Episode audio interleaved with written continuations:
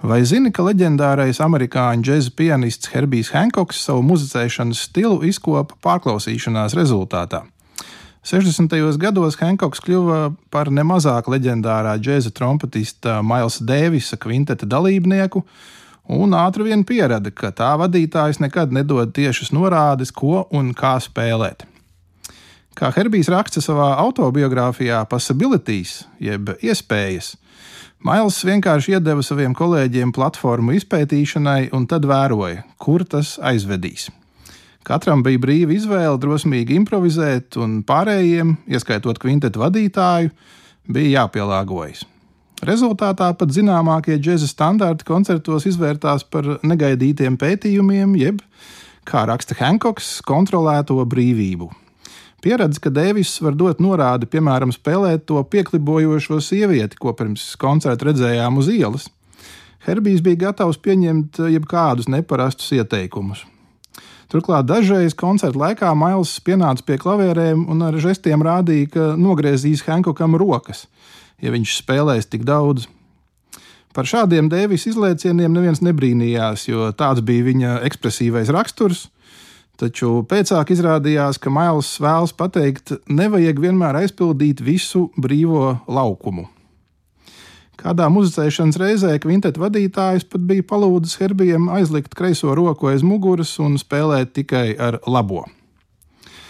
Atgriežoties pie sākumā minētās pārklausīšanās, kādā no koncertiem Dēvis nostājās Hankokam aiz muguras un iečukstēja ausī: Don't play the butternotes, jeb nespēlēs viestainās notis, Herbijam nebija ne jausmas, ko Mails ar to domājis, taču bija skaidrs, ka šādai frāzei noteikti ir nozīme. It īpaši, ja tā tiek pateikta koncerta laikā. Hankoks ātri apdomājis, ko tas varētu nozīmēt, un secinājis, ka sviests ir tauki, un uh, tauki it kā skaitās lieki. Tāpat sviests varētu nozīmēt kaut ko vieglu, pārāk paredzamu, Herbijs ātrumā secinājis, ka harmonijā visierastākās notis ir trešā un septītā.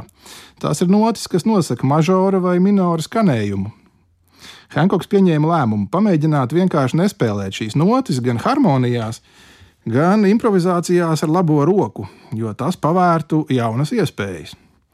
Atgādināšu, ka tieši tā nosaukt arī viņa autobiogrāfija - Possibilities jeb iespējas.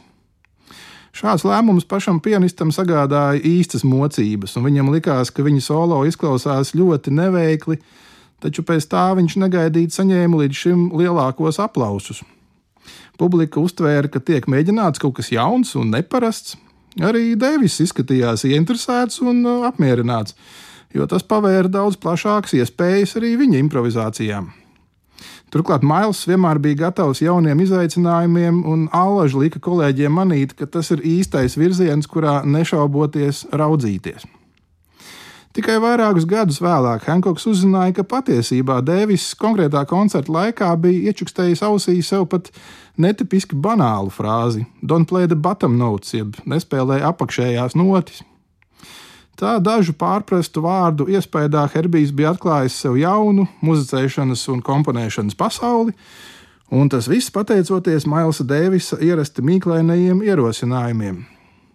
Pēcāk Hankoks, protams, atsāka spēlēt trīs viestainās notis, taču Allaž atcerējies, ka nu jau viņš to dara tāpēc, ka konkrētajā brīdī tā grib, nevis tāpēc, ka tā vajag.